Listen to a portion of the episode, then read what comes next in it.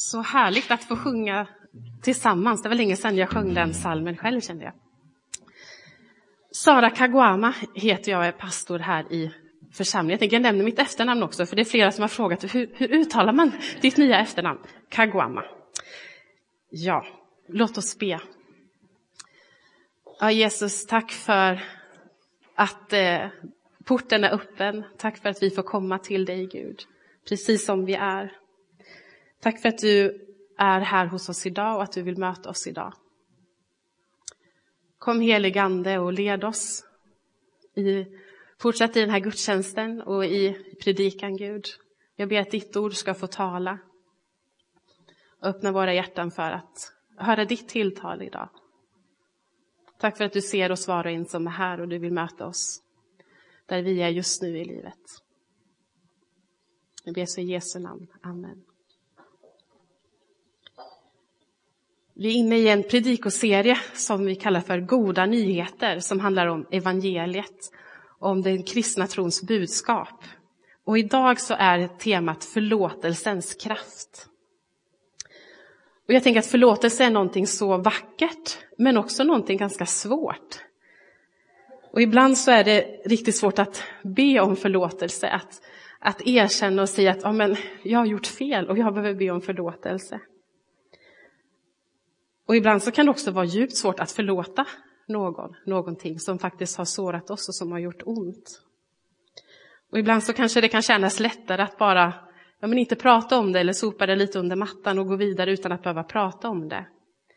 Men jag tror att det finns en viktig nyckel i just förlåtelsen och det finns en kraft i förlåtelsen.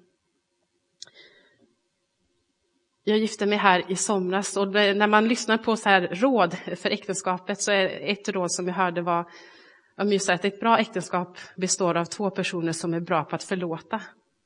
Och jag tror att det ligger någonting i det. Och för, men för att upptäcka förlåtelsens kraft så tror jag att vi kanske behöver börja i änden, om vi nu tycker det är svårt att, med förlåtelse, varför behövs det? Varför behöver vi förlåtelse? Och om förlåtelse kan vara obekvämt för oss att prata om så kanske det också är obekvämt för oss att prata om ja, men det som vi har sjungit om i sången här också, om synd och om skuld, att det finns någonting som behöver förlåtas. Men jag tror att när vi ser på vår värld och på våra liv så är det ändå uppenbart att, att det blir fel, att det finns synd i vår värld. Och det är jobbigt att tänka att, att jag har det i mitt liv.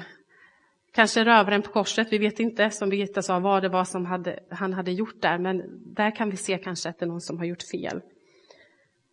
Men hur, hur är det i mitt liv? Och samtidigt så tror jag att vi alla kan känna igen den där känslan när man vet att äh, men det där blev riktigt fel. Nu gjorde jag någonting fel mot den här personen eller nu sa jag någonting som jag ångrar efteråt.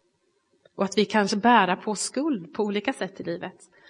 Kanske att vi har känt att vi har misslyckats i våra relationer, kanske mot våra föräldrar, eller mot våra barn eller mot våra makar, grannar eller vänner, vem det nu är. Kanske vi har gjort saker och sagt saker som, vi, som har sårat och som vi ångrar. Och vad gör vi då med den, den skulden, med det som har blivit fel?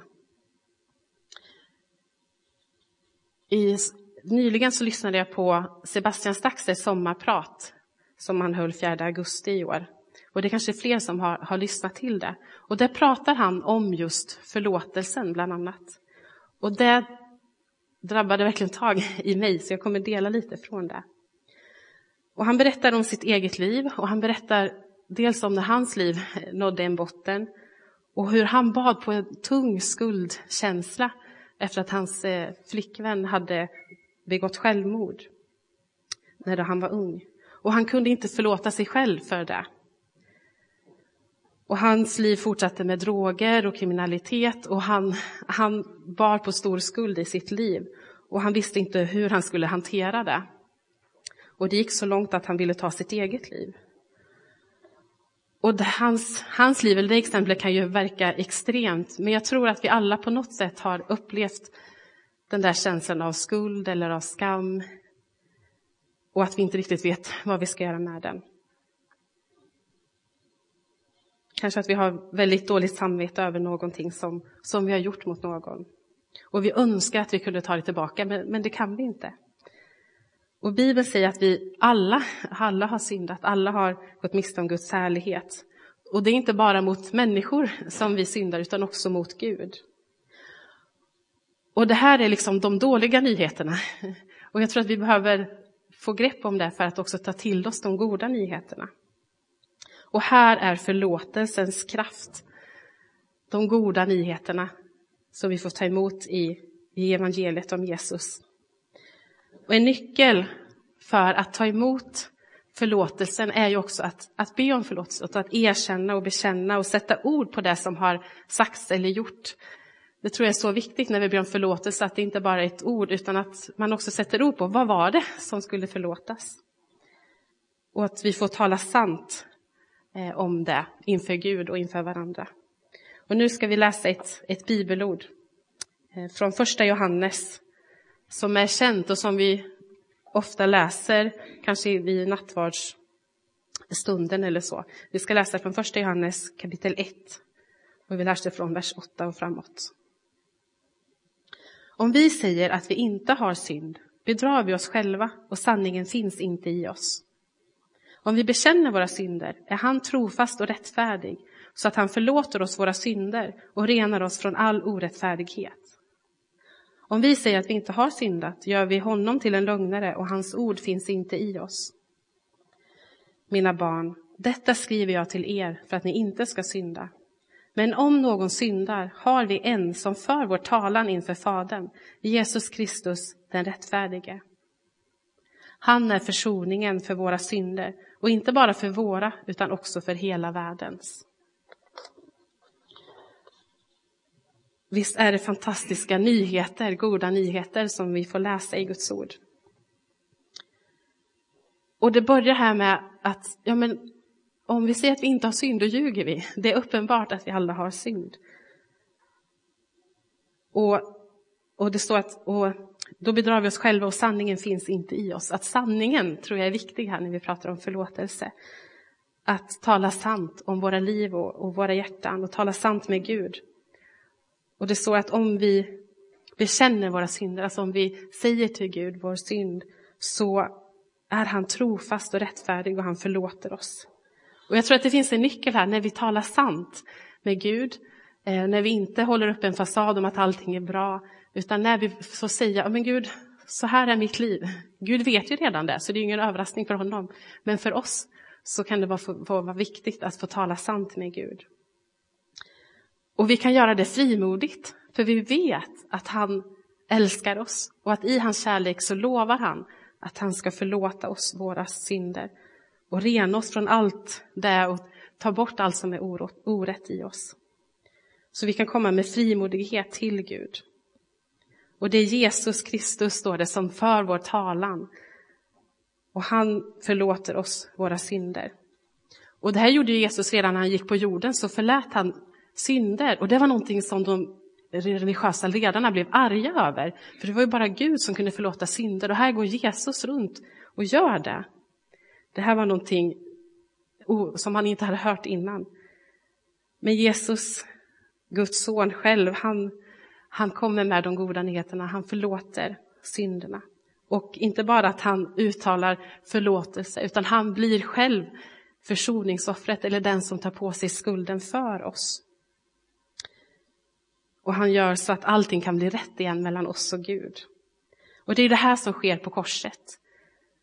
Korset som är så centralt i vår kristna tro, att där tar Jesus vår synd och skuld på sig. Och jag vill läsa från Jesaja 53 som är en, ehm, en text som handlar om Jesus långt innan Jesus hänger där på korset. Vi läser vers 4 till 6. Men det var våra sjukdomar han bar, våra smärtor tog han på sig. Medan vi såg honom som hemsökt, slagen av Gud och pinad. Han blev genomborrad för våra brott, slagen för våra synder. Straffet blev lagt på honom för att vi skulle få frid. Och genom hans sår är vi helade. Vi gick alla vilse som får, var och en gick sin egen väg, men all vår skuld la Herren på honom. Och vi hörde här i början av gudstjänsten Jesu ord till rövaren på korset, hur han där i sin sista stund, i sin djupaste smärta, bjuder in en rövare att ta del av, av Guds rike tillsammans med honom. Och bland de sista orden Jesus säger när han hänger där på korset är Fader förlåt dem, för de vet inte vad de gör. Jag tycker det är så tydligt i Jesu liv att hans liv andas förlåtelse hela tiden. Och Jesus ger oss förlåtelse som en gåva. Jag tror verkligen att förlåtelse är en gåva som han ger och som man får välja att ta emot. Och det är också en kraft. Temat idag är förlåtelsens kraft.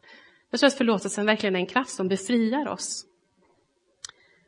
Och jag vill komma tillbaka till det som Sebastian Staxet delade i sitt sommarprat, om hans berättelse och hur han upplevde den här kraften, den befriande kraften i förlåtelsen. När han var på botten av sitt liv, han var på väg att ta sitt liv. Och han, han behövde hjälp att komma in på behandlingshem för att eh, få hjälp med sitt missbruk, men han fick ingen hjälp. Men sen där i sista minuten, bokstavligt talat, så får han ett telefonsamtal om att han har fått en plats på ett behandlingshem. Och så berättar han att när han är där på behandlingshemmet så får han bara en sån här eh, uppenbarelse som att jag måste gå upp på mitt rum och böja knä och be till Gud. Och han gör det. Och han, han böjer knä och knäpper händerna och ber och ber om syndernas förlåtelse. Och han tackar Gud. Och där så möts han av en, en ström av nåd och av kärlek från Gud. Och han beskriver det som att det är en kärlek som flödar från Faderns hjärta. Och han kände sig älskad och han hade känt sig hatad så mycket i sitt liv och hatat sig själv så mycket. Men där så revs alla murar i hans liv för att han fick mötas av Guds rena kärlek. Och han fick känna för första gången i sitt liv att han var förlåten. Och det förvandlade hans liv.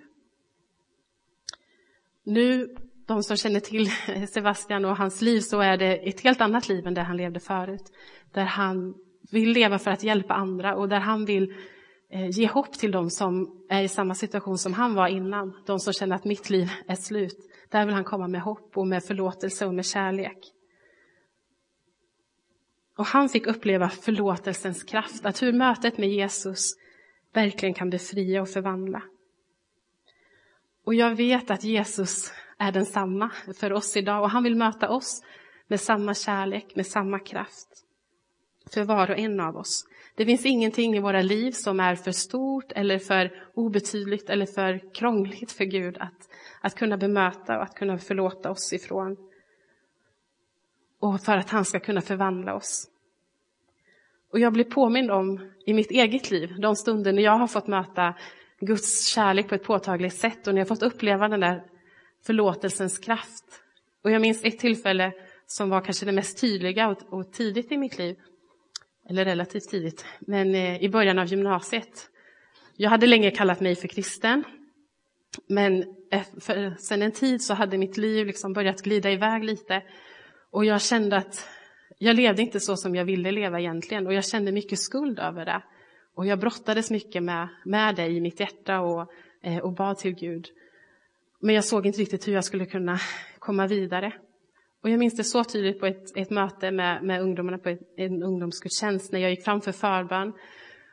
Och jag hade den här brottningskampen i mitt hjärta.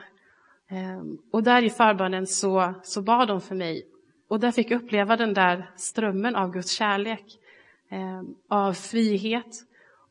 Och jag var så övertygad om att jag är älskad, jag är fri, jag är förlåten. Och hur det gav mig en kraft att, att, att fortsätta. Eh, och att också en kraft att ändra lite riktningen i mitt liv. Eh, och sen har jag haft många tillfällen efter det när jag fått uppleva hur jag har fått be till Gud eh, och eh, få bekänna min synd. Och hur jag verkligen upplevt att Gud har förlåtit mig och att jag kan lämna den där tyngda skuldkänslan och gå vidare fri ifrån den. Jag tror verkligen på förlåtelsens kraft, att få ta emot förlåtelse. Och jag tror att det är viktigt för oss att ta emot och, och verkligen tro på att Gud har förlåtit mig, jag är förlåten. Men sen tror jag också att Jesus vill hjälpa oss att också förlåta oss själva.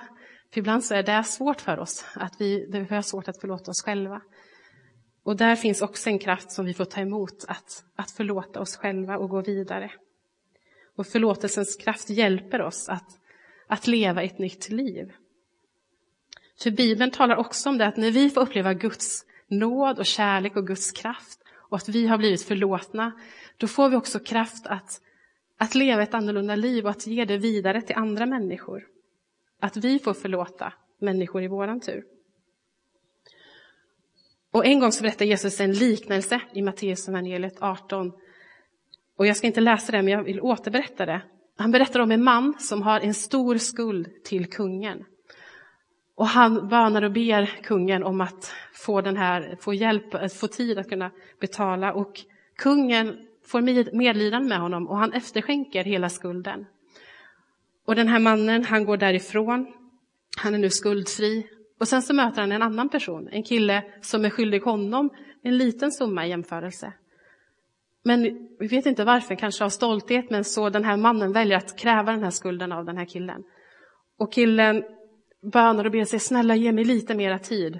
Men mannen är hänsynslös och säger nej, du får hamna i fängelse. Och sen möter kungen den här mannen och säger, men hur kan du göra så här? Skulle inte du ha samma medlidande och barmhärtighet med den här killen som jag hade med dig? Och logiken här, att det är samma logik borde finnas i våra liv. När Gud nu har förlåtit oss så mycket, skulle inte vi också då kunna ha barmhärtighet och medlidande med människor runt om oss och ge förlåtelse i vår tur? Vi får ge vidare den förlåtelse som vi själva fått uppleva. Och jag tror att det här är någonting som Gud verkligen har på sitt hjärta, som han vill hjälpa oss med. För ibland är det svårt att förlåta. Men jag tror att det, det är inte bra för oss när vi håller oförlåtelse i våra hjärtan. Och ibland så kanske man kan känna att man vill straffa någon för att den har gjort någonting mot den och att jag vill straffa den genom att inte förlåta. Men när vi gör det så drabbar inte bara den personen, utan det drabbar också oss själva tror jag. Och att oförlåtelse kan också göra våra hjärtan hårda. Men när vi får uppleva Guds nåd och Guds kärlek och förlåtelsens kraft så får vi också kraft att kunna förlåta. Även när det inte känns som att vi, vi, vi vill det så kan vi ändå i ett viljebeslut välja att förlåta. Och förlåtelse handlar inte om att säga att, att ingenting har hänt eller att allting var okej utan det, säger, det hände någonting som var fel men jag väljer att förlåta dig, att släppa dig fri. Så förlåtelsens kraft innebär dels att vi får ta emot förlåtelse för egen del, men också att vi får ge det vidare till andra. Och den här liknelsen som, som jag nämnde här innan, Jesus när han berättade den, det var i ett sammanhang när Petrus, en av hans lärjungar, hade ställt honom en fråga. Och jag vill bara läsa den frågan också, från Matteus 18, 21 och 22. Då kom Petrus fram och frågade Jesus, Herre, hur många gånger ska min broder synda mot mig och få min förlåtelse? Upp till sju gånger. Jesus sa till honom, jag säger det inte sju gånger utan sjuttio gånger sju. Och sju är ett fullhetens tal, så symboliken här är att poängen är att vara generös i din förlåtelse. På samma sätt som Gud har varit generös mot dig. Och jag vill läsa två andra bibelord som talar om just det här att leva i förlåtelse. Det ena är från Efesierbrevet 4 och 32. Var istället goda och barmhärtiga mot varandra och förlåt varandra så som Gud i Kristus har förlåtit er. Vi läser från Kolosserbrevet 3 och 13. Ha överseende med varandra och förlåt varandra om ni har något att anklaga någon för. Så som Herren har förlåtit er ska också ni förlåta varandra. De här verserna visar på hur vi uppmuntras att leva i förlåtelsen. Dels om någon har gjort någonting konkret mot oss och ber om förlåtelse, var då generös och ge den förlåtelsen. Men jag tänker att det också innebär mycket mer än det, att, att ha ett generöst eh, sinne mot människor. Att vara goda mot varandra, vara barmhärtiga och visa medkänsla och barmhärtighet mot varandra. I en annan översättning står det att ha fördrag med varandra. Och visa överseende med varandra. Och även om personer kanske inte alltid ber oss om förlåtelse, att vi ändå kan ha den attityden av att, att förlåta och ha en generös inställning mot varandra. Och jag tror att det här kräver verkligen tålamod och kraft ifrån Gud att göra det. Jag tror att Gud vill ge oss den kraften att leva i förlåtelsens kraft. Att kunna ha överseende med varandra. Och ibland kanske vi får ställa oss själva den frågan lite, men hur, hur bemöter jag människor? Hur reagerar jag när människor sårar mig? När någon beter sig på ett sätt som irriterar mig? Eller om någon gör någonting mot mig, medvetet eller omedvetet? När människor gör misstag, hur bemöter vi då? Och då kanske vi får ställa också frågan om hur bemöter Gud mig? Hur är Jesus mot mig? Hur skulle Jesus svara mot den här personen? Och låta det få vara vägledande för oss. Och här så nämnde också Sebastian ett, ett exempel som jag också vill nämna. Hur han på ett möte, efter att han hade tagit emot Jesus, så var han i eh, ett eh, möte i en kyrka. Och där så, så mötte han en av de här killarna som hade mobbat honom väldigt hårt under hela hans skoltid. Och han hade hatat den här mobbaren så länge. Men där i det här rummet av, av Guds nåd och Guds kärlek så säger Sebastian att där så kände jag inte den ilskan längre utan jag kände bara kärlek. Och han gick fram och kramade honom. Och jag tycker det är så mäktigt och kraftfullt, förlåtelsen. Och där så, så säger han någonting om förlåtelsen som jag vill citera. Han säger så här. Jag kan inte förklara hur jag har gått från att vara så arg och så hatisk till att kunna vakna upp av att jag ibland gråter av tacksamhet över mitt nya liv. Det här är vad förlåtelsen gör med oss. Gör med en. Så vad säger det här till oss idag? Först att vi får ta emot Guds förlåtelse och den kraften från Jesus för vår egen del. Vi får ta emot Jesu förlåtelse. Han möter oss i kärlek. Och vi får frimodigt komma till Gud och bekänna vår synd, sätta ord på det och be om förlåtelse. Och vara övertygade och säkra i, trygga i den kärleken han har för oss, att han förlåter oss våra skulder. Och han renar oss. Och vi kan få, också få hjälp att kunna förlåta oss själva. Och gå vidare. Och ibland så kan vi behöva göra konkreta saker för att vi, det ska landa i oss.